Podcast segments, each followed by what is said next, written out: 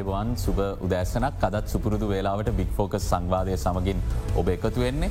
ඉදම් වැදගත් මාතෘකාවක් අද අපේ ප්‍රස්තුතය බවට පත්කරගන්නේ මොකද මේ ගැන විශාල කතිකාවතක් මේ දිනවල නිර්මාණය වෙලා තියෙන නිසා. සැබෑ තොරතුරු මේ සම්බන්ධයෙන් දැනගැනීම ඉතාම වැදගත් රටේ ජනතා විදිහට අපි අවසන් නිගමනයකට එද්දී මේ කාරණය මේ අවස්ථාවේදී සිදුවීම සුදුසුද? එය එසේ නැද්ද කියන කාරණය ගැන අපිටම අපේ තීරණයකට එන්න හැකියාව තියෙන්නේ. අපි මේ ගැන සැබෑ තොරතුරු දැනගත්තොත් විතරයි. ඒ නිසා හන්න බොහෝ ප්‍රශ්න ගණනාවක් තියෙනවා.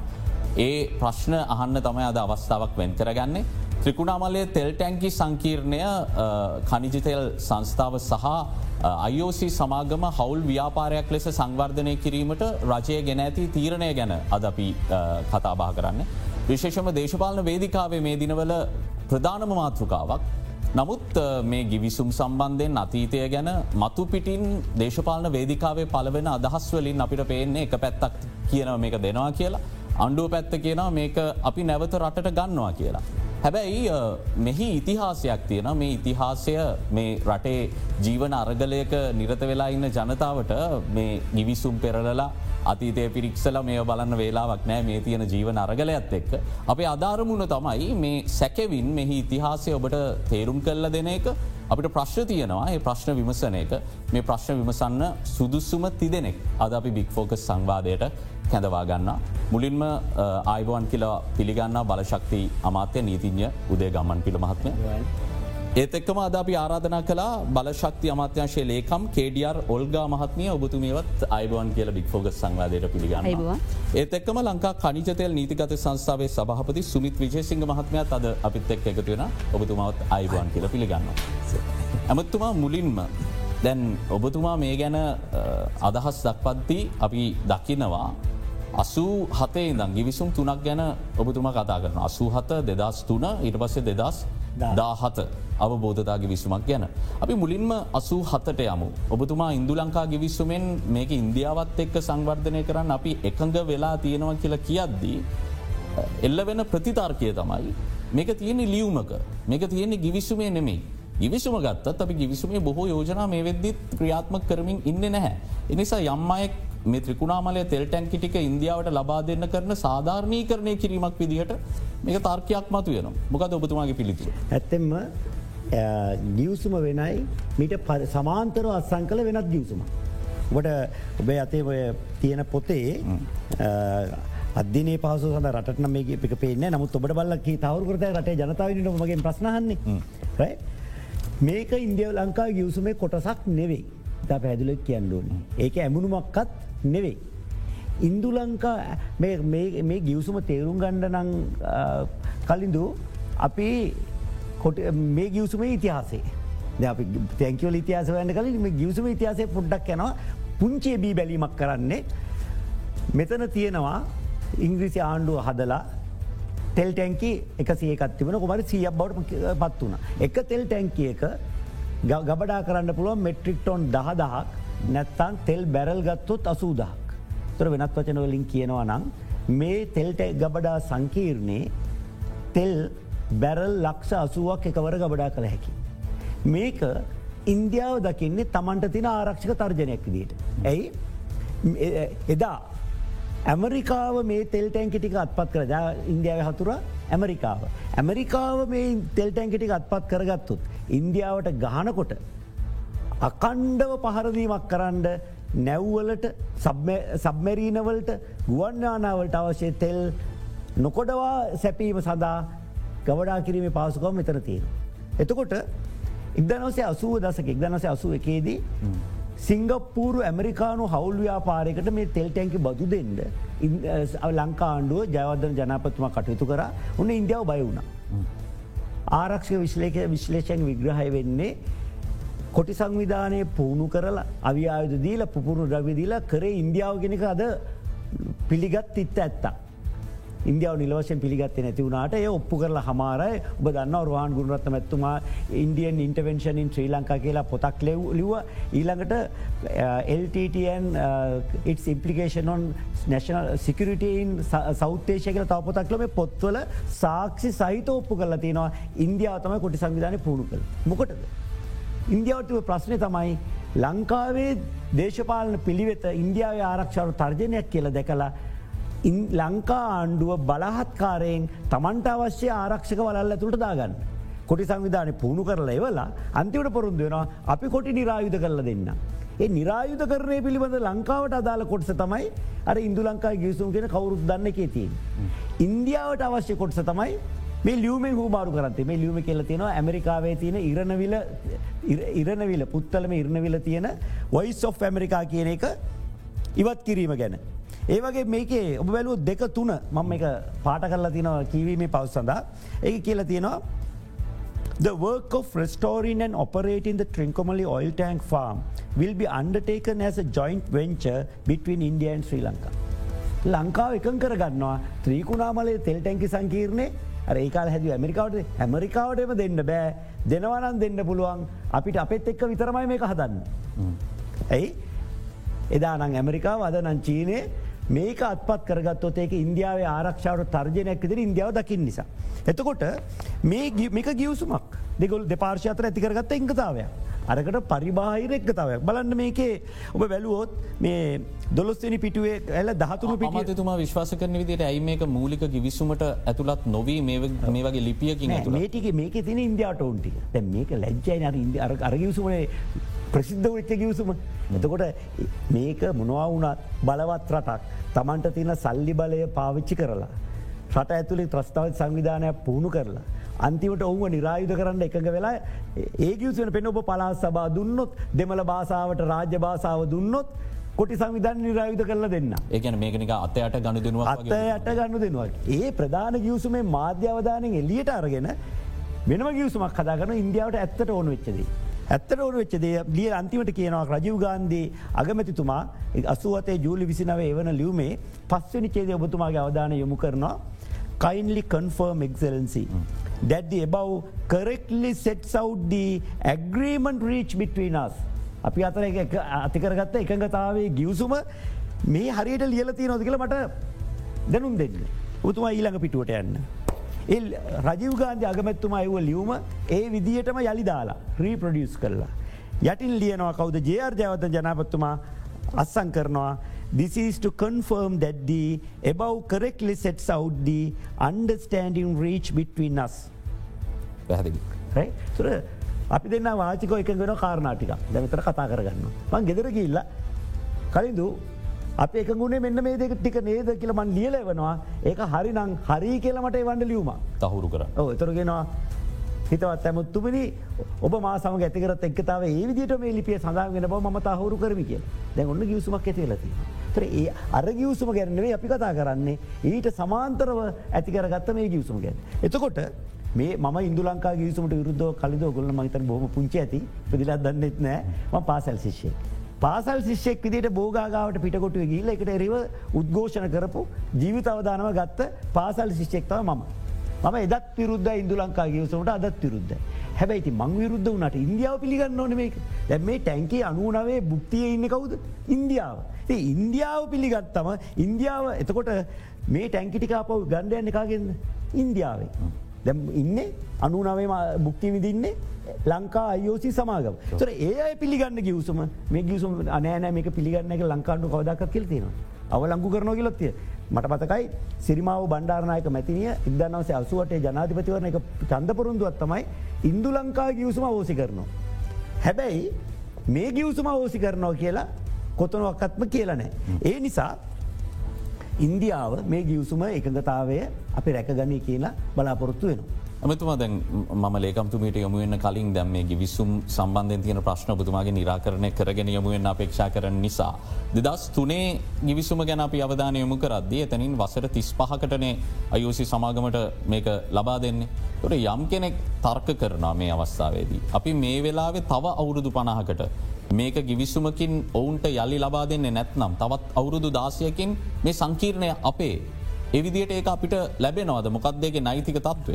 ඒකැන් තම ම පැහද මේ අසුවත ගිසුම ගැන අවධානය යොමු කරන්නු ඒකාරණයෙන් සමුතුමන් ඉන්දියාවත්තක ඔබ දන්නවා අගෝස්තු මාසේ දෙදස් විස්සි අගෝස්තු මාසේ නවවෙන්ද ජනාපත්තුමා ගැසට පත්‍රය මගින් ප්‍රසිද්ධ කරන එක එක ඇමතුරු පත් කල නෑ බලශක්ති ඇමතිවරයාගේ විශෂපතය මෙන්න. අයිති වෙන ආයතන ටික මෙන්න ඒ අමාත්‍යන්සේ සුවිශේෂී ප්‍රමුඛතා. කැන්නේ ඉහලම ප්‍රමුඛතාව දිල කරන්නඩෝනි ව්‍යාපෘති ලයිස්තුව මෙන්න. ඇමතිල පත් කරන්නත් කලින් එක ගැසට් කරන්න. ගැසට කරන්න. ඒකේ හය හතරවෙනි කාරණය විදිර තියන්නේ ත්‍රීකුණාමලේ තෙල් ටැන්කි සංකීර්ණය සංවර්ධනය කිරීම. තොර මම අගෝස්තු මාස මීට මාස දාහතකට කලින් ම ආරම්භ කරන ඉන්දියාවත්තක සාකච්චය මගේ ප්‍රමුඛතාව වක්කීමත්ද බලශක්තියමතිවරයගේ. මේක සංවර්ධනය කිරීම ඔබතුමාගේ වගකීමක් විදියට ගැසත් කරට පස්සේ ඇයි ඔබතුමාට ඉන්දියාවත් එක සාකච්ඡා කරන්න වෙන්න. ඇයි අද ඉන දැම මමගේ බැලුවම මේ ටැන්කිටික තියෙන ඉන්දියාව බාරය ලංකා යෝසී සමාගම ඉන්දියාව ලංකාව හදාගත්ත එකඟතාව. එතකොට මට කියනවා අර ගෙදර වහල අලුත් වැඩිය කරන්න කියලා කෝගේ කියල බලද්දි කලින්දුර කුලියට දීලා. දැම් මම මට අයිතියත්තිය නොවද ගේ මගේ වුණත් කුලියට ඉන්න ඔයාන වහල ගලවන්න කලිම කලිදුත් එක කතා කරන්න පැයි දැම්කොද ඔයාන ගෙදර ඉන්නේ. අයිතිය මගේ බුක්තිය ඔබේ. දැන් ම ගෙදර අයිතිකාරයවන මට පුල රෑදලාට ඔබයි බිරිද නිදාගරන්න අවස්ථාවේ දොරවල්ලරගෙන ගේ අසරෙන අයිතියමගේ කියල හෙම බෑ. බුක්තිීන එකනට විශාල අයිතුවස්කට වගේ ඇත්තින. මගේ අයිති තමයි බුක්ති හර ඔබට දීල තියෙන්. ඒ නිසා ඔබත් එක්කම කතානකර ඔබ දැ බුක්ති විදින ගේ ගේ ඇතුළට ඇල්ල මට අවශ්‍යදය කරන්න බෑ. ඉන්දියාවත් එක් කතා කරද්දි. ඉන්දියාව දරන ස්ථාවරයේදී මම අකමැති. අසුවතය සංකර ගියසු මත ගොල පිහිටල කටයුතු කරන්න ඒ මත පදනම් කරන්න සාකච්ඡා කරන. ති මට අර පැස්බර වැල්ලේ ඔලුවගහගෙන ඉන්නවගේ අසුවත ඒම එකක්න අපියකට විරුද්ධයි ඔය අසංකර ක්‍රමවේද විරුද්ධයකිවොත් ඉතිරින් හට යන්න බෑ. ගො දැ මේ අවුරු දහනවය ඇත්තිසේ. කලින්දු දෙවන ලෝක යුද්ධෙන් පස්සේ. කවදාවකම තෙල් ටැන්කිටි පාචි කරන බලන්න තෙල් ටැන්කිවල දිය කොච්චර දිරාගීල්ලත් මහා කැලයක් මැද තියෙන්නේ. ඇයිෙන් වෙලා තියෙන්. කාටවත් බැරි වුණා මේක ප්‍රයෝජනයට ගන්න පුළුව එකඟතාවයක් හදාගන්න. අපි එකඟතාව හදාගන්න පුළුවන් වුණේ මම මුලින්ම ඉන්දයානුවාගේ මානසිකත්වය අඳුරගත්ත මං ඔබත් එක්කන සාකච්ඡා කරන්නේ ඔබ හිතන පතන විදි හරියට තේරුම් ගත්තු. ඔබ හරිදේ වැරදිදේ කියල හිතනදේ. ඔබ පදනම් වෙන තර්ක කාරණ මං අධ්‍යනය කලා ඔත්තමයි මට ඔබ මගේ තැනට ගේන්න පුළුවන්ගෙන. නැත්තං ඔබට ඔබ මටවාසි දේකට ඔබ එක කරගන්න පුළුවන්වෙන්. ඒ නිසා අපි මේ අතීතය අධ්‍යනය කරල තමයි එතැටගේ දෙදස් තුනේ ගියසුමේදී. මොකද අප එකනතාවේද අසුවතයේදී. තෙල්ටැන්කි හවුලේ සංවර්ධනය කර. එන මේ අනුනවේ සංවර්ධනය කරන්න ඕනි හවුල් සමාගමකි. හැබැයි දෙදස් තුනේදී රනිල් වික්‍රමසිංහ මැත්තුමා එදා තිබ එජාප ආණ්ඩුව අපිට ඒ හවුල් අයිතිය අත්හැරල දාලා ටැන්කි අනු නවේම වසර තිස්පාකට ඉන්දියාවට දුන්න. දැන් වසර තිස්පාක් කියන දෙදස් තිස්සට දෙදස් තුනේ න තිස්පාකකර දෙදස් තිස්සට දෙදස් තිස්සට මේ ටැන්කිටික අපිට ලැබෙනවා නේද. හැබැයි දෙදස් තිස්සට වෙනකොට ඉන්දියාව අපිට කියනවා හරි දැන් ගියවසුම යුරෙන්ට ළඟයි.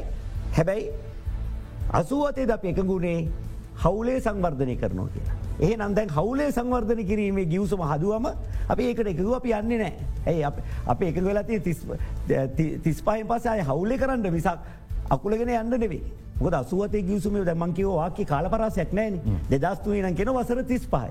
මේක කාල පරාසයක්න කාල පරාසයක් නැත්ත සදා කලු අපි කසාද බදිදි කාලවකවනුවත්ති නොද නෑ. ඒගැන දික්කසාද වෙනකං හරි කෙනෙක් මැරණකං හරි කසාද තියනවා. මේකත් ඒවගේ දෙයක් අඩුවනේ දික්කසාදවගේ අවස්ථාවක්කත් මේ ගියසුමේ දාලා නෑ.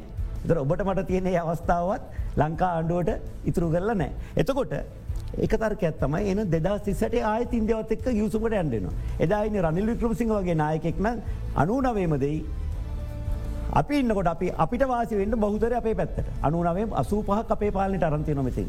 එතකොට එක කාරණය අනිත් කාරණය තමයි කලින්ද කිතා වැදගත් දෙයක් ඇතම මේ තර්ක ඉසලාමට මතු කල දුන්න අපේ සුමිත්තු ජේසිංහමැත්තුම අපේ අභ්‍යන්තර සංවාධකද.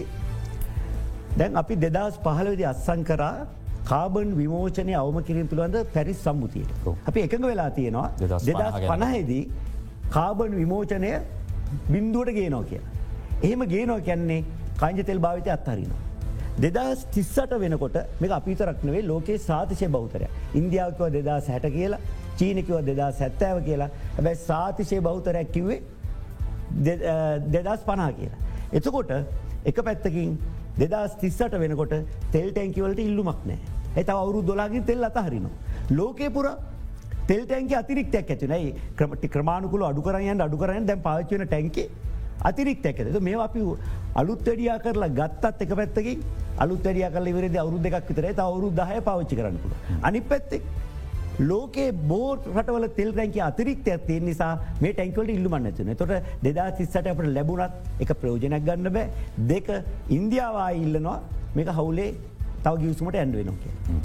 තව එක ප්‍රශ්න තිය නමතුම මේ දේශපාලනික ප්‍රශ්ටික ඔබතුමාගේ අහල ඉන්නඕන හිදමං ලේකම්තුමට යනක ප්‍රමාද කරන්න සමාවෙන්නේ ගැන. ඇමතුමා දැන් දෙදස් විසි හතරේදී. බලපත්‍රය කල්ලිකුත්වීම් පිළිබඳවත් තර්කයක් මතුවෙන මේ සම්බන්ධයෙන් අපිට හිතන්න තියෙන තව පැත්තක් බවට පත්වෙන යනුව ඒකත්. මොකද තෙල් සංස්ථා පනත ඉතාම බලගතු පනතක් යනු ලංකාවට තෙල් ගෙන්වීම ගබඩා කිරීම සහ බෙදාහැරීම කනිජ තෙල් සංස්ථාවට පවරල තියෙන මේක අයෝසි සමාගමට ලබාදීලා තියෙන බලපත්‍රයකි. ඒ බලපත්‍රය තව වසර දෙකකින් කල්ලිකුත් වෙන නිසා අපිට මේකත් අවස්ථාවක් කරගන්න තිබුණා කියන යෝජනාව ඉදිරිපත්වෙනවා. අපිට මීටට වාසි සහගත විදිට මේ ත්‍රිකුණාමලය ප්‍රශ්යදිහ බලන්න ඇයි එකේ විදිර කරන්න බැරිවුණ. සම්පූර්ණ බොරුවක් ඇයි අපි එහෙම කියන්නේ පලවෙනිම දේ එල්ලයෝසිල් සමාගමට එදා තිබ ෂෙඩ් තුනෙන් එකක් බද්ධට නෙවෙයි දුන්නේ විකුණවා.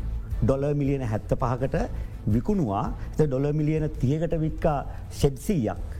ඩොල මිලියන හතලිස් පහකට වික්කා අපේ තිබ්බ තෙල් ගබඩාටික එකට එකතු කල තින් තෙල් ටැන්කි ටිකුණමල ඇරෙන අනිතිබ තෙල් ටැන්කිටික කොළොන්නාව මුතුරාජවල එකතු කරලා තනි සමාගමකට දාලා කියන CPSTL නැතන් තෙල් තොක ගබඩා පර්යන්ත සමාගම ඒකෙන් තුනේ එකක් වික ඩොල මිලින හතලිස් පාකට.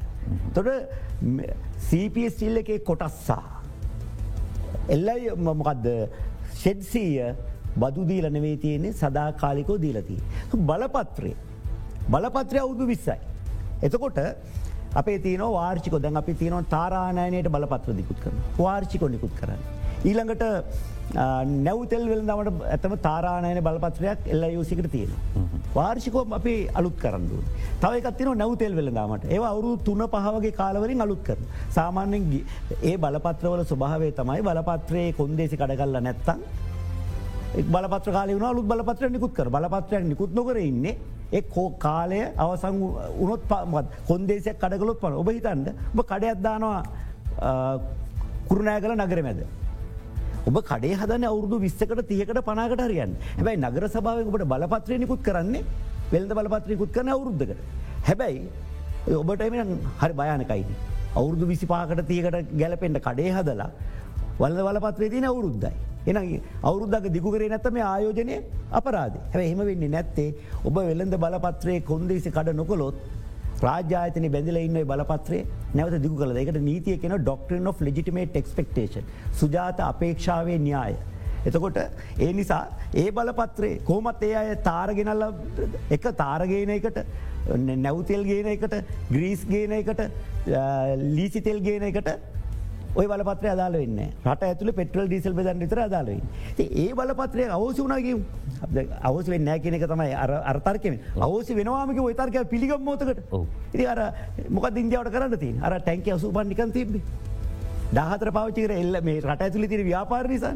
අර අසූපාතියාගත්ත ක්‍රමයට මේ දාහතරත් තියාගන්න පුළුව ගෙන මේ ගියවසුම අවසංවීමෙන් කිසිම පීඩනයක් කෙල්ල වෙන්න අසූපාට අත්වෙච්ච දිරාපත්වීම ඉරනම මේ දාහතරට අත්වීම පමණමයි සිද්ධවෙන්න. ලේකම්තුමිය කෙඩියර් ඔල්ගාමාත්මයට මං යොමු වෙන්නේ අපි දැන්නේ ඉතිහාසේ සහ මේ සම්බන්ධයෙන් මතුවෙන තර්ක සම්බන්ධය නමතවරයාගෙන් පැහදිලි කරගනිද අපි වර්තමානයට එමු. මෙවර මේ අත්සං කරන්න යන ගිවිසු මේ ස්භාවය ගැන අපි කතා කරමු. මොන වගේද මේක සකස් වෙන්නේ? අධ්‍යක්ෂ මණ්ඩල සාමාජිකින් පත්වෙන්නේ කොහොමද? මේ ගිවිසුම ගැන අපි කතා කර. ඇතරම අලුත් ගිවිසුම සකස් වෙන්නේ දැනට ත්‍රිකුණාවලේ තෙල් ටැන්කි සංකීර්ණය පහල ටැන්කි සංකීර්ණය සහ ඉහල ටැන්කි සංකීර්ණය වශයෙන් කොටස් දෙකට බෙදෙනවා. පහල ටැන්කි සංකීර්ණය ටැන්කිදා හතරයි ඉහල ටැන්කි සංකීර්ණය ටැන්කි අසූ පහයි. එතකොට මේ පහල ටැන්කි සංකීර්ණය දැනටමත් එල්ලයිෝසි සම ලංකා ඉන්දියන් ඔයිල් කම්පැනිය එක මේක භාවිතයේ තියෙනවා. එතකොට මේ ටැන්කි දා හතරක් එතකොට මේ අපේ අලුත් ගිවිසුමෙන් වෙන්නේ ටැන්කි දාහතර එල්ලයිෝසි සමාගමේ පාවිච්චියටත් ඉතුරු ටැන්කි අසූ පහෙන් විසි හතරක් සම්පූර්ණයෙන්ම ලංකා කනිජතෙල් නීතිගත සංස්ථාවේ ව්‍යාපාරික අවස්ථාව සඳහා ලංකා කනිජතෙල් නීතිගත සංස්ථාවටත් ඉතිරි ටැන්කි හැට එක ලංකා කණජතෙල් නීතිගත සංස්ථාවේ පාලිත සමාගමක් විදිහට පිහිටුවන ට්‍රිංකෝ පෙට්‍රෝලියම් ටර්මිනල් ලිමිටඩ් කියන සමාගමය යටතරේ පාලනය වෙනවා. සමාගමේ කොටස් අයිතියෙන් සියට පනස් එකක් හිමි වෙන්නේ බහුතර අයිතිය එකැන බහුතර කොටස් අයිතිය ලංකා කණජතෙල් නීතිගත සංස්ථාවට ඉතුරු සියට හතලිස් නමේ තමා ලංකා අයිෝසි සමාගමට අයත් වෙන්නේ. එතකට මේක අධ්‍යක්ෂ මණ්ඩල සංයුතිය ගත්තොතින් අධ්‍යක්ෂ මණ්ඩලය සාමාජිකින් හත් දෙනයි ඒ අධ්‍යක්ෂ මණ්ඩල සාමාජිකත්වයෙන් බහුතරයක් ඒකනුත් බහුතරයක් ඒ කියන්නේ අධ්‍යක්ෂ මණ්ඩලින් හතර දෙනෙක් ලංකා කනිජතෙල් නීතිගත සංස්ථාව යටතේත් ඒක යටතේ සහ ඉතුරු ලංකා අයෝසි සමාගමට හිමිවෙන්නේ අධ්‍යක්ෂ මණ්ඩල සාමාජිකත්වයෙන් තනතුරු තුනක් පමණයි. ඒ හැරුණ හම මේ පිහිටුවන ඒකා බද්ධ සමාගම සමාගමේ සභාපතිත්වය හිමිවෙන්නේ ලංකා කනිජතෙල් නීතිගත සංස්ථාවට සභාපතිවරයා පත්වෙන්නේ විදායක අධ්‍යක්ෂවරය විදිට සභාපතිවරයා ලංකා කණජිතෙල් නීතිගත සංස්ථාවෙන් එතකොට ඒකේ සාමාන්‍ය දිකරන මැන කළමනාකාර අධ්‍යක්ෂ විදිහට පත්වෙන්නේ ලංකා අයිෝසි සමාගමි. යනුව ලෙකම්තුම මේක පාර්ලිමේන්තුවට වග කියනවද? අපිට යම් අවස්ථාවක ගැටලුකාරී තත්වයක් මතුවනොත් අප රට මහජ නියෝජිතන්ට හැකියාව තියෙනවා දවුණ පාලිමේන්තුවට කැඳවල ප්‍රශ්න කර. ඒ අයිතිය තියෙනවා කලින්දුවේ මොකද මේ සංස්ථාවේ අයිතිය තියෙන්නේ බහුතර අයිතිය තියෙන්නේ එක ලංකා කණජත නීතිගත සංස්ථාවේ පාලිත පනස්සකක් නිසා. ඒක එතකොට රජයේ රජයට අය සියට සියට පණහට වඩා කොටස් සහිතය තියෙනනම් එක රාජ්‍ය සමාගමක් බවටයි පත්වෙන්නේ එතකොට ඒ රාජ්‍ය සමාගම අනිවාර්යම පාර්ලිමේන්තුවේ පාලනට යටත් වෙනවා. රාජ්‍ය පොදු ව්‍යාපාර කාරක සභාව හමුවේ මේක පොදු සභාවේ පාලනයට ඕන වෙලාවක ගෙනහල්ලමික ප්‍රශ්න කරන්න අයිතිය තින එකන ඇතරම මේ ආකෘතිය වෙන්නේ දැනටමත් ලංකා කනිජතෙල් නීතිගත සංස්ථාව සහ ලංකා අයිෝසි සමාගමේ යටතේ පවතිනවා අපේ ලංකා කනිජතෙල් තොග ගබඩා පරයන්ත සමාගම. ඇතරම මේ ආකෘතිය සියට සීයක්ම මේ ලංකා කනිජතෙල් තොග ගබඩා පරයන්ත සමාගම ආකෘතිය වගේ මයි පරයන්ත සමාගමනම් විගනකාදීපතිතුමාට පුළුවන් විගණනය කරන මේකටත් එහම හැකියාව ඒ සම්පූර්ණ හැකැව තියෙන හැකියාවන් සියලුම දෙයක්. විගන කාධිපතිගේ විගණනයට යටත් වෙනවා. ඒ විගන විගන කාධිපතිගේ විගණනට යටත් වෙනවා කියන්නේ පොදු කාරක සභාව හමුවටත් පමුණුවන්ඩ පුළුවන් මේ අධ්‍යක්ෂ මණ්ඩල සාමාජිකෙන් ඒ වගේම පාර්ලිමේන්තුවේදී ඕනම අවස්ථාවකදී පාර්ලිමේන්තුවේ මන්ත්‍රීවරුන්ට විශේභාර අමාත්‍යවරයාගින් ප්‍රශ්න ඇසීමටත් මේ සමාගමේ යටතේ පුළුවන්කම හම්බ වෙනවා. හොද ලංකා කනිජතෙල් නීතිකත සංස්ථාව සභාපති සුමිත් විජේසිංහ මහත්මයාවිත් එක් එකතු වෙනවා දැන් විසි හතරක් ලංකා කනිජතෙල් නීතිගත සංස්ථාවට ලැබෙනවා මේ කියන විදිට අලුත් ගිවිසුමෙන්. ඇබැද මේ ඔක්කොම අවුරුදු සීයක් දැම් පරණයි මෙතන ඇතැම් ටැන්කි බොහෝ සේ දිරාපත් වෙලා තියෙන්නේ ඉතාම අපසු තත්වයක තියෙන භාවිතයට ගන්න තත්වයට යළි ගන්න. අපිට මොන විසි හතරද ලැබෙන්නේ කියන ප්‍රශ්නයත් මතුවේ නෝ දැම්මකද ත්‍රිකුණමලේ වරායට ළඟම තියෙන දාහතර අයෝසයක පාවිච්චි කරන. අපිට කොහෙන්ද මේ විසි හතර ලැබෙන්නේ. ඇත්තටම අපි කනිතෙල් නිතික සංස්ථාව මේ ටැන්ගි විති අතරක් සම්බන්ධව ලැබීම සම්බන්ධය මූලිකවම අපි අපේ සංස්ථාවේ සතුට ප්‍රකාශ කරන්න ඕන. මොකද මේක මං පොඩි පැහැදිලි කිරීමක් එක්කාවෝත් ඇමත්තුමා මේක නීති මේ තත්ත්වයන් පැහැදිලි කර මං ඒකෙන් වෙනත් පැත්තක් ගැන හිතනවා. මොකද අපි කල්පනා කරන්න ඕන මේක මිලදී ගන්නවද නැතම් විකුන් අද කියන මාතෘකාව අපට දෙන්නේ මේ අලුත් ආණ්ඩුව නෙවෙයි. මේක අනිත් විපක්ෂයේ කතාන්තරය තමයි ඔය කියන කාරණ. අපිට එහා ගියබ කන්තෙල් ව්‍යාපාරක් හැට මේක දිහා බලන්න ඕන කියනක තමයි අපේ කන්තෙල් නිතික සංස්ථාව අදහස. අපි කනිදෙල් මේක ඒක මගේ ප්‍රධාන ප්‍රශ්නයක් බවට පත්වෙන අපිට හම්බෙන වාසි ගැනමයි. ඔබතුමට පුළුවන්නම් මහපු ප්‍රශ්නයට මේ විසි අතර අපිද තෝරගන්න කියන එකට උත්තර ඉලන්න පුලන් ඉතාම් පැහැදිලි දැන් කන්තෙල් එල්ලයෝසි සමාගම ටැන්කි දාහතරක් පහල ලෝව ටෑන් පාම එක දාතරක්කොම් පාවිච්චි කරනවා එක ඒ කොටස ඔවුන්ගේ පරිහරණයට වෙන් කිරීමක් කල තියෙනවා. ඊට අමතරව අප ටෑන්ක් කන්නේ ඉහල කොටසේ තියෙන ටැන්කි සංකීරයෙන් ටැන්කි විසි හතරක්. තෝරා ගැනීම ඇත්ත වශයම කන්තය නිදික සංස්ථාව මැදිහත්වීමෙන් අපිට සුදුසු අප විශේෂයෙන්ම රට තුළ ඉන්දන බෙදා හැරීම තමයි අපි එකෙන් වඩා බලාපොරොත්තුවෙන් ඒකට අවශ්‍ය යටිතල පාසුවන් සංවර්ධනය කරන්න ඒකට පහසුවෙන් පාවිච කරන පුළන් විසි අතර කන්තය නිතික සංස්ථාව තෝරගෙන තියෙනවා. ඇත වශය මේ තෝරා ගැනීම සම්පූර්ණ මැදිහත්වීම කන්දලික සංස්ථාව මගිතම දුර. ඔදේ මං අනිවාරම ඔබතුමාට මෙහි ව්‍යාපාර අවස්ථාව සහයින් රට ලැබෙන වාසය ගැන කරුණු දක්වන්න අවස්ථාව දෙෙන ඊට කලින් අපි කෙට විරාමයකට යොමු වෙන්න ඕනේ. විරාමෙන් පසුව ඉක්මනින්ම හම.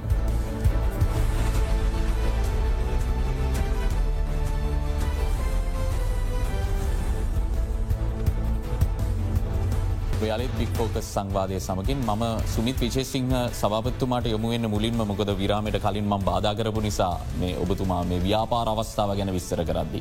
ඇත්තටම දැන් මේ අත්තරල් දාලතියපු ටැන්කි ටිකක් කනිජතෙල් නීතිකත සංස්ථාවට විසි හතරක් ලැබුනම.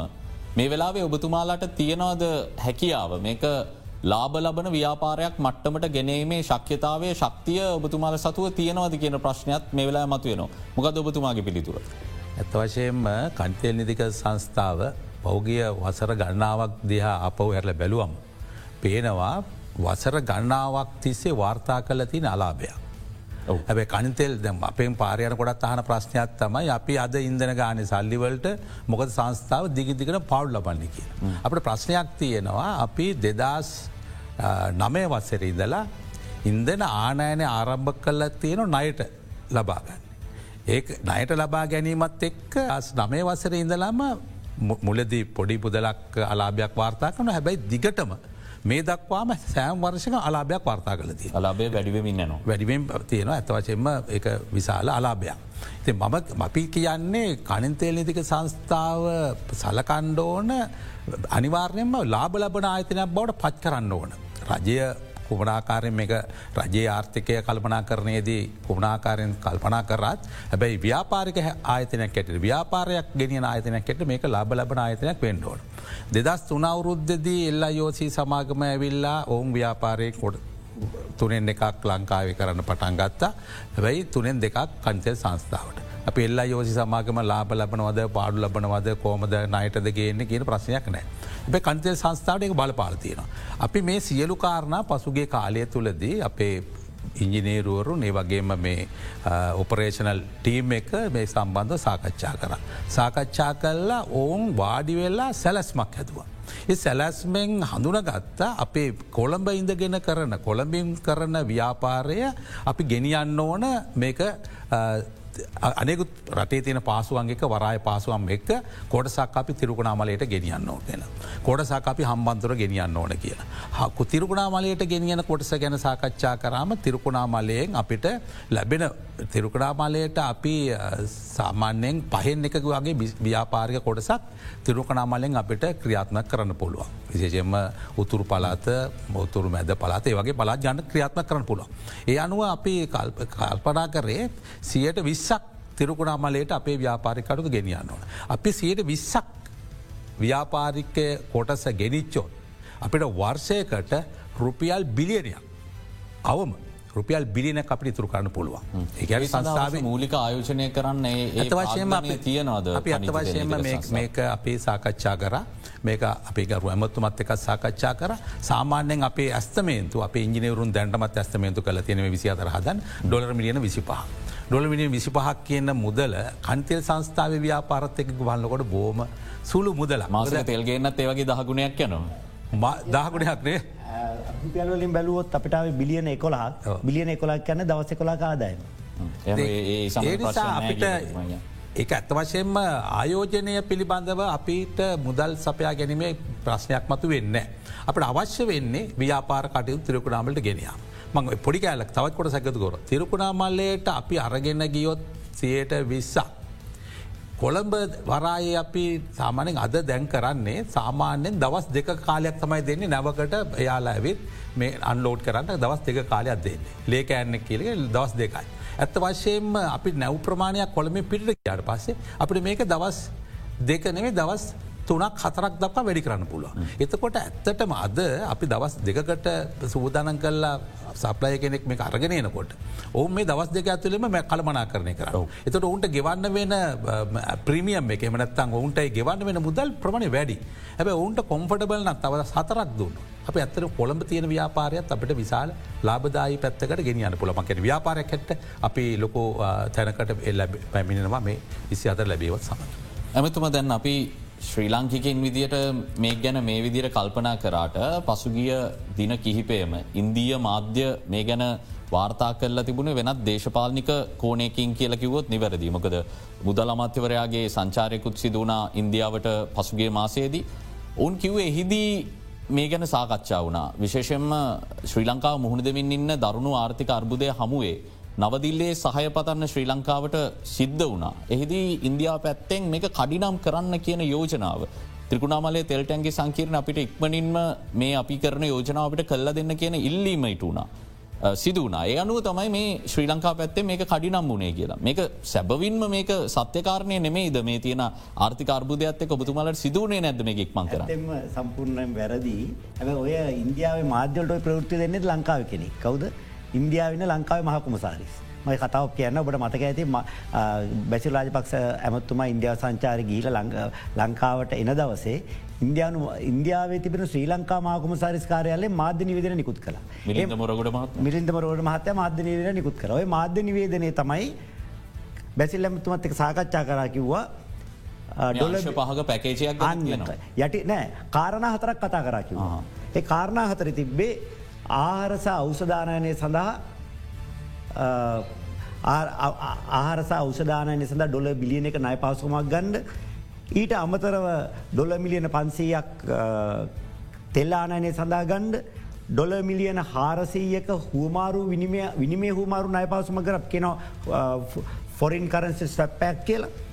හතර වෙනුව තෙල් ටැන්කි සම්බන්ධ. තර ඔය මාධ්‍ය ප්‍රවේදනෙන් තමයි ඉන්දියාව මාධ්‍යම කාරණයකට ගැටගන්න ඔට කියන්න ඕනි. බැසිල් ඇමත්තුමා ගිහිල්ල පටන් ගත්තේ ඩොල බිලියනයක් ආහාර සහ බෙහෙත් සඳ අය පසුවන බගෙනින් පමණයි.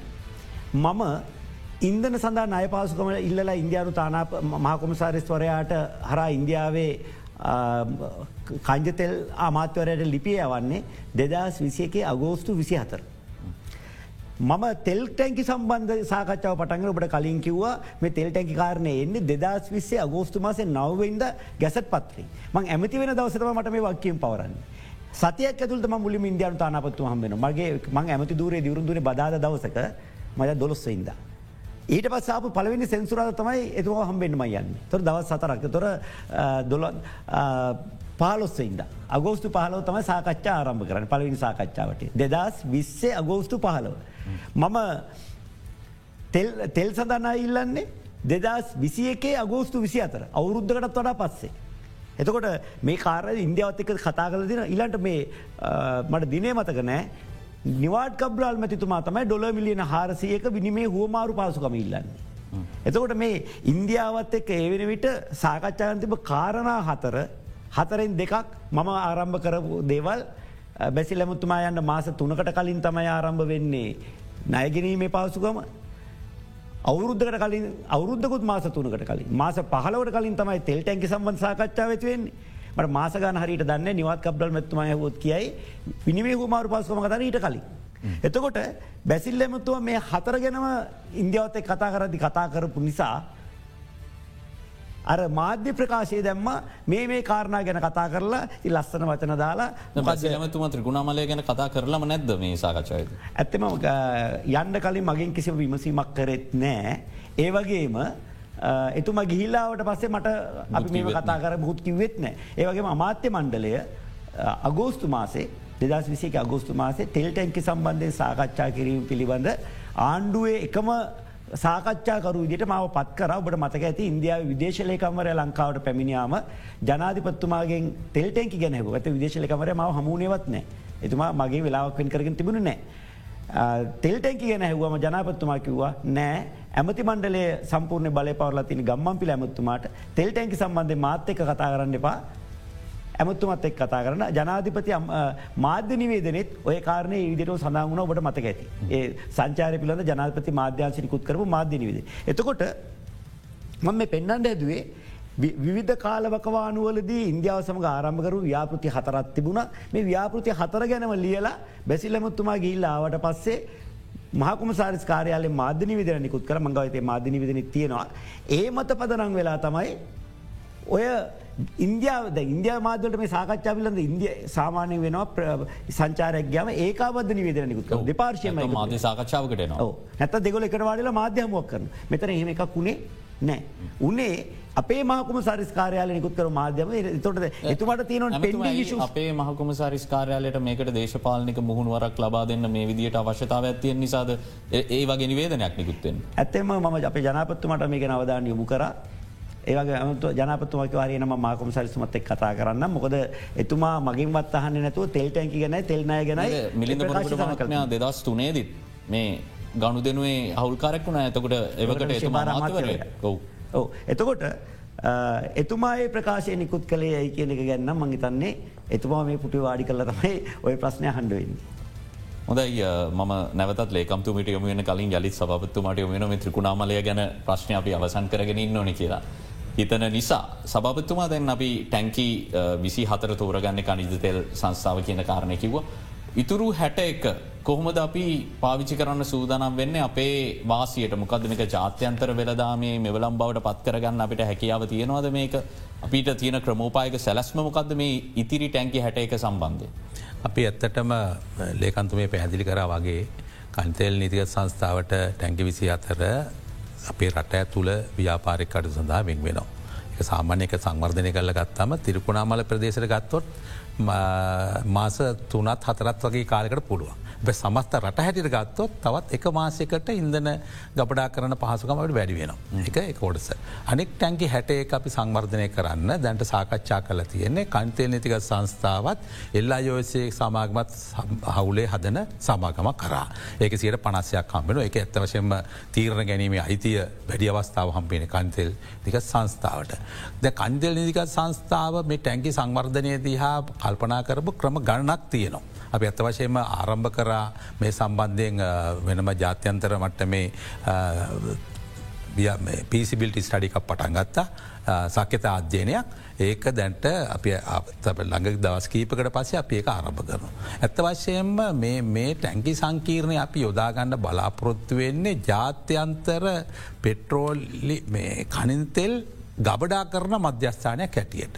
මේ වගේ මෙතන මෙතන මේ වගේ ගබඩක් පහසුකම් පවත්වාගෙන යන්න නැත්තගේ ව්‍යාපාරය කරන ආයතන් රැසක් අපි දන්නවා ලෝකෙ තියනවා සෙල් සමාගම. ඒ වගේම බිටිස් පෙට්‍රෝලියම්. ඒවගේ ආයතන ගණනාවක් තියනවා. ටෝටාල්ලේ වගේ තවට ඒ ආයතන කරන්නේ ඔවුන් ඉන්දන ගෙනත් මේ ගබඩාවල ගබඩාව තැන්පත් කරලා ඔවුන් අපනයන කරන. ඇත්ත වශයෙන් අපි විශේෂම මේ කොටසේ අවධාන යොමු කරන්නේ ආනයන අපනෑන වෙළදාමක් සම්බන්ධය. ඇත්ත වශයෙන්ම රටට විදේශ විනිමය උපයන ව්‍යාපාරයක් හැටියට. ඒක අපිට සමාගම ආරම්භ කරට පස්සේ ඒක ව්‍යාපාර සැලස්පක් අපි තාමත් අපිට ඇමත්තුම අපිට පුදදිල තියෙන්නේ මාසයක් ඇතුළත ව්‍යාපාර සැලස්ම ඉදිරිපත් කරන්න ඒක දිනවක්වානු ඉදිරිපත් කරන්න ඒ අනුව එක ක්‍රියාත්ම කරන්න කියන උපදෙස ලබාදිලතින. අපි ඒ අනුව දැන්ටමත් ව්‍යාපාර සැලස්මක් ඇත්වජම සංවර්ධනය කරන්න කොමද කියන සැලස්ම දැන්ටමත් ආරම්භ කළ තියෙන කොමද අපි මේක සංවර්ධනය කරගෙන යන්න කියලා ඊට පසේ ව්‍යාපාරික සැලස්පත් අපි ගීවසුම් මත් සංකල මේ වෙන්ගුණට පස්සේ මාසක විතර කාලයක් ඇතල පිළිතිපත් කර අපි ඉක්මනින්ම විරාමයකට අයතු ඊට කලින් ඇමතුමට මේකට එකතු කරන්න යමක් තියෙනවා ඔබතුමට අවස්ථාව තියෙනවා මේ සැලස්ම ගැන. එතකොට ඇතෙම සභාපතුම ඉතාව නිවර්දයෝ සඳහන් කලා වගේ මේ ප්‍රමුඛතම ව්‍යාපාරය වෙන්නේ ගබඩා පවස්කන් සැපීම. තොර දෙපැත්තකින් ඉන්නවා එක පැත්තත් තමයි සාමාන්‍යයෙන් අපි නං ඉතා සීමිත ඉන්දනතොගෙත් ඇැනි විදේශ විනිම අර්බූදයහින්ද සාමාන්‍ය ලෝක සම්මතය තමයි දින අනුවක ආරක්ෂත්වයක් කටක පවතින ඔන්න මොකද බලශක්ති සුරක්ෂිත භාවය තහවුරු කරන්න. එහෙම කරන්න ඉන්දන මිලදීගන්න අයට ගබඩා පවස්කන් සැපැන පුලො රටවලට. ඇගේ සමාරු ඉන්නවර කොටස් වෙලද පොලේ කොටස් පහල ගයාම මිලදී ගන්නවා ඉහළ ගයාම විකුණු. තෙල්වෙලද පොලත් ඔය වගේ හිල පාලයනවා. පහල ගියාමාරන් ගබඩා කරලා තියලා වැඩි වුණාම විකුණන්ඩ කරන තෙල් වෙළදාම ඒකැන ආයෝජන වෙළදාමේ දන්න අයටත් මේ ගබඩා පවස්කන් දෙන්න. ඊට අමතර ගත්තොත් අපිට පුළුවන් ආහාරමය තෙල් වර්ගතින පොල් තෙල් වගේ ෆාම්මොයිල් මේවා ගබඩා කරන්න දෙන්න පුළුවන්. ඒවගේම අපිට පුළුවන් මේ ටැන්කි අනාගත අනාගත ලෝකේ බලශක්තිය ඉන්දන අප කතර දෙදස් පන ඇතික නතර කරන බලාපොරත්තුන ල ටැන්කවලට මොකද වෙනි කියල ප්‍රස්ටක්න මේක ඇත්තම හරියට හදල තින තෙල්ගබඩ කරන්න තමයි. නමුත් අනාගත ලෝකයේ ඉන්දන වෙන්නේ හයිට්‍රජන්. එතර අර දුම්බට දුම යන වෙනට වතුර තම යන්න හයිට්‍රජන් වලින් වහන් දුවන්ට ගත්තව. තොර මේ හයිට්‍රජන් අපේ දැවන්ත විබෝයක් තියනවා අපේ උතුරු පලාතේ සුළගෙන්සා සුළගෙන් ඒවගේම සූර්ය බලයෙන් සහ මූද නැව් මූද රලවලින් උදම් මුදුරලවලින් හයිට්‍රජන් නිෂ්පාතිකන් තුර මේ හයිට්‍රජන් ගබඩා කිරීමටත් මේ ටැන්කි භාවිතා කරන්න පුළුවන්. ඒ වගේම මේතන ත්‍රිකුණාමලගෙන හොඳර ග්‍රේලිය වැටන ප්‍රදේශයක් දැවන්ත අක්කරට අටසේ විසි අතප සිසාරාතම මේ ටැන්කි පද්ධතිය තියෙන්නේ. එනිසා අපට පුළුවන් සූර්ය බල උද්‍යානයක් විදියට මේතන පාච්චි කරන්න පරිසර හිතකාමී සංචාරක ව්‍යාපාරයක් කරනතැගේ එතට හෝටලයක් හදල ජපන්නු ගීත කරන්න යුද්ධ කාලය බර විනාශ කරපු ටැන්කේ තිරතින් හර හිස්ටෝරිකල් ටෝරිසම් එකෝටෝරිසම් අනුවෙක්වෙන් ටැන්කි තුර මේ සියල්ලම කරන්න අවකාශය මිතර තිබෙන. හොදයි තවත් කෙටි විරාමයක් දැන ඉක්මනින් යලි තමුවෙනවා.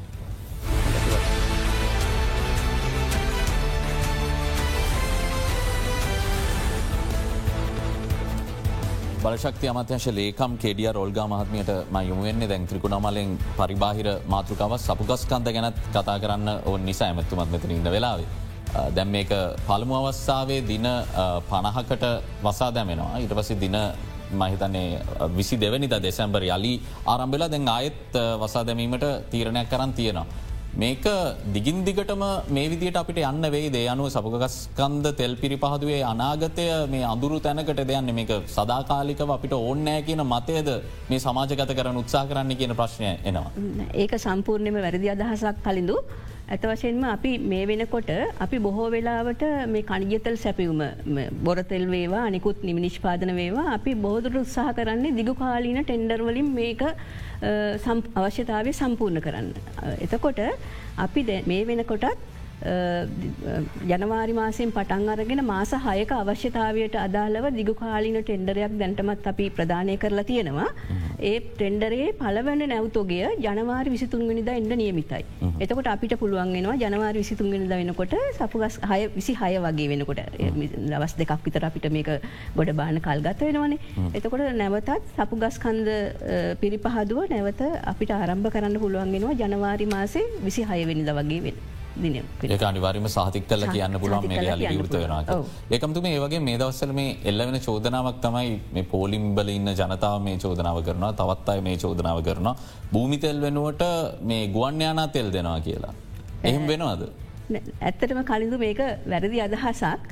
මේක එක්තරා විදික විද්වත් මතයක්. මේක මේ පොදු මහ ජනතාව මේක විග්‍රහ කරන්න යන එක තමයි මෙතන වරද්ද වෙලා තියෙන්නේ. ඔබතු මේක පැදිලි කල දෙනවා පැදිලි කල දෙනවනම් ඇතරම මේ සපු ගස්කන්ද පිරිපහදුවේ නිෂ්පාදනය කරනකොට හෝවේවා අපි අපිට අපිට ඒක මදි වුණොත් අප සපු ගස්කන්ද පිරිපහදුව නිෂ්පාදනය අපේ අවශ්‍යතාව සම්පූර්ණ කරන්න මදි වුණොතින් එකන සපු ගස්කන්ද පිරිපහදුව නිෂ්පාදන වෙන ද්‍රව්‍ය දෙකක් තියෙනවා එකක් තම ගුවන්්‍යානා ඉදන තෙල් සහ භූමිතෙල්.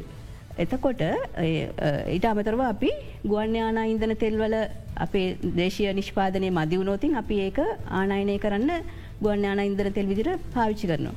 ඇතරම මේක ඕනම කෙනෙකුට අපේ අන්තර්ජාලයට ගිහිල්ල වනත් මේක පරීක්ෂා කරල බලන්න පුළුවන් මේ භූමිතෙල් සහක මේ ගුවන්්‍යාන ඉන්දන තෙල්වල වෙනස මොකක්ද කියනක එක පැහැදිලිම කියන මේ දෙකේ වෙනසක් නැහැ භූමි මේ ගුවන්්‍යාන ඉන්දන තෙල් කියන්නේ භූමිතෙල් තව දුරටත් තව දුරටත් යම් කිසි මට්ටමකට පිරිපහදු කළහම තමයි ගුවන්්‍යාන ඉන්දන තෙල් කියලා ලැබෙන්න කියලා.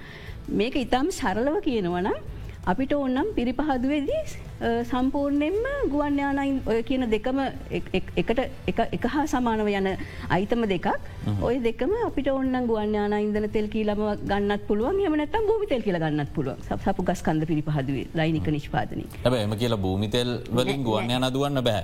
භූමිතෙල් වලින් ගුවන්්‍යාන දුවන්න එකන අප පිරිපහදුවේ තමයි මේක පොඩ්ඩක් වෙන් වෙන්නේ. එකන අපිට දේශය භූමිතෙල් අපිට භූමිතෙල් අවශ්‍යතාවයක් තියෙනවා එතොට භූමිතල් අවශ්‍යතාවය නිසා මේ පිරිපහදුවද විතරක් අපි මේ දෙක භූමිතල්වලට යම්කිසි ප්‍රමාණයක් වෙන් කරගන්නවා. එතකොට දැන් උදාහනයක් විදිර ගත්තුතින් පහුගිය කාලේ අපිට භූමිතෙල් වලට අපිට ඉල්ලුම වැඩිවුණ හම අපි කරේ ගුවන් යානා ඉන්දන තෙල් නං අපිට අනයනය කරල හරි දෙන්න පුළුවන්නේ. ඒ හින්ද අපි කරු ග්‍රීපහදුවදි කරේ වැඩිපුර ප්‍රමාණයක් ගුවන් යානාතෙල් ඉන්දන වෙතෙල් වලට විදිට වෙන් කරන්නේ නැතුව බෝවිතෙල් දිට එක නිකුත් කර. ඉතින් මේක අලුත් දෙයක් නෙමේ මේ අතීතයේදීත් වෙලා තියෙනවා. ඉතින් මේ එක්තර මේ පුවත් පතකර ලිපියක් ලියන කෙනෙක් මගින් පොඩි විමසීමක් කරා. මේ පිරිපහදුව තාවකාලිකෝ මේ විදිෙන් නවතිනකොට දැ මේ බූතෙල් අර්බුදයක් තියෙනවා කියලා පෙන්වන ඇතර මෙහම අර්බුදයක් නැහැ. ඇතරම ඇත වශයම කියනන බූමිතෙල් පිළිබඳ අර්බුදයක් නැහැ. ඔය භූමිතෙල් පෝලිම අපිට දකින දෙන්න පෝලිම කියන්නේ එක්තරා එක කොටස් එක්තරත් හැන් ස්ථාන දෙකක් තමයි ඔය පදනම් කරගෙන හැමදාම පෙන්න්නන්නේ. මොකද ස්ථාන දෙක තොට ළඟ කියන ප්‍රදේශයේ සහ තවත් යම් කිසි බ්ලු දෙමට ඔරු ගොඩවත්ති.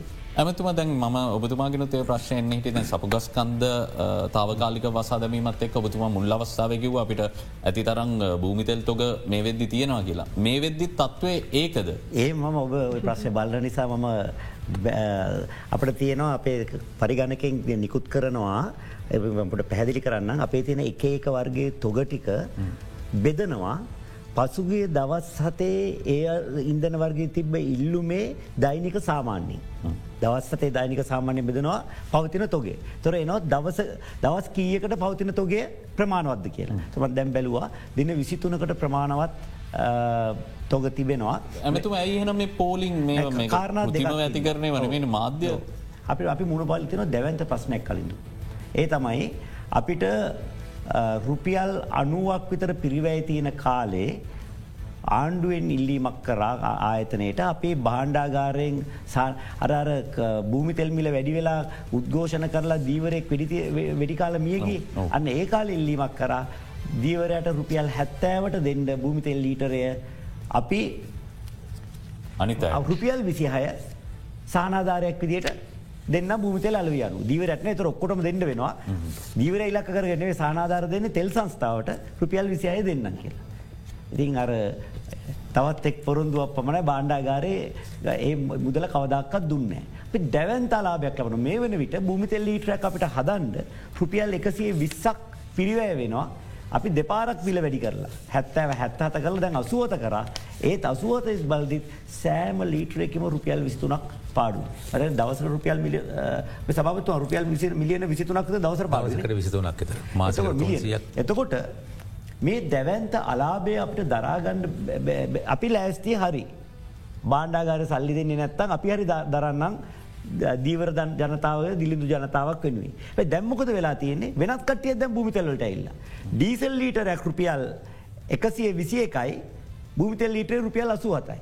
බස්සිමියෝ දැන් කල්පනා කරනවා බස් එක ඩීසල් වෙනුවට භූමිතෙල් ගහලා එංජිමතර සෞත්වයනවා. අවුරුදු පහකට පස්ස එංජිමට වෙනුවට අලුත් එංජිමත් තියෙන කලාබයි ඩීසල්වලි බස්සික දුනට වඩා. තුරදැන් ගැමනු ජරත් මැත්වා මෑතකද කිව්වා බස්රතවලින් සේට විසිපා කදුවන්නේ ඩීසල්වල ඉන්නවේ භූමිතෙල්වලින්ගේ. තොර අර සහනමිලට යටත් දෙන්න වෙලා තියෙනවා.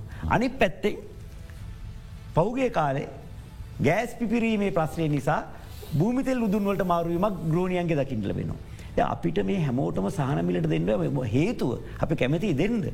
අපි ලංකාව වැඩියම අලාභ විදින ආයතනය. මේ අවුරුද්ධ මතන ගිය අවුරුද්දේ රුපියල් බිලියන හැත්ත හතකට වැඩිය අලාභයක් අපි විදල තියන. එත බිලියන බිලියන කැන මිලියන දහක් තර මිලියන හැත්ත හත්දහක්. එතකොට අපි අපිට සිද්ධ වෙලා තියෙනර ලොකු මේ ලොකු ප්‍රමාණයක් කිල්ලුම තියෙන් නිසා අර දීවරයන් විතර කිලක් කරගෙන කෑන්වලට සලාක ක්‍රමයට ලබාදෙන් මේ සලාක ක්‍රමයට ලබාදෙන් නිසා තමයි දිගු පෝලින් දකිින් ලැබින්.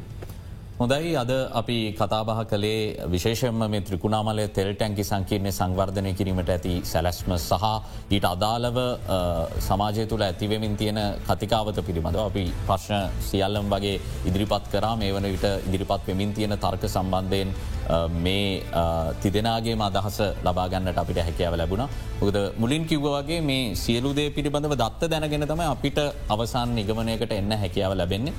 බෙහිවින්ම සූතිවන්ත වෙනවා ඇමත්තුමාට උදේ ගම්මන් පිළ මහත්මයට අද සහභාගි වුණට ඒත් එක්කම් බලශක්ති අමාත්‍යංශයේ ලේකම් කෙඩියර් ඔල්ගා මහත්මයටත් ලංකා කනිජතෙල් නීතිගත සංසාාවේ සභපති සුමිත් විශේසිංහ මහත්මයටත් බෙහිවින්ම සූතියි අද ජනතාව දැනුවත් කරන්න පැමිණියට.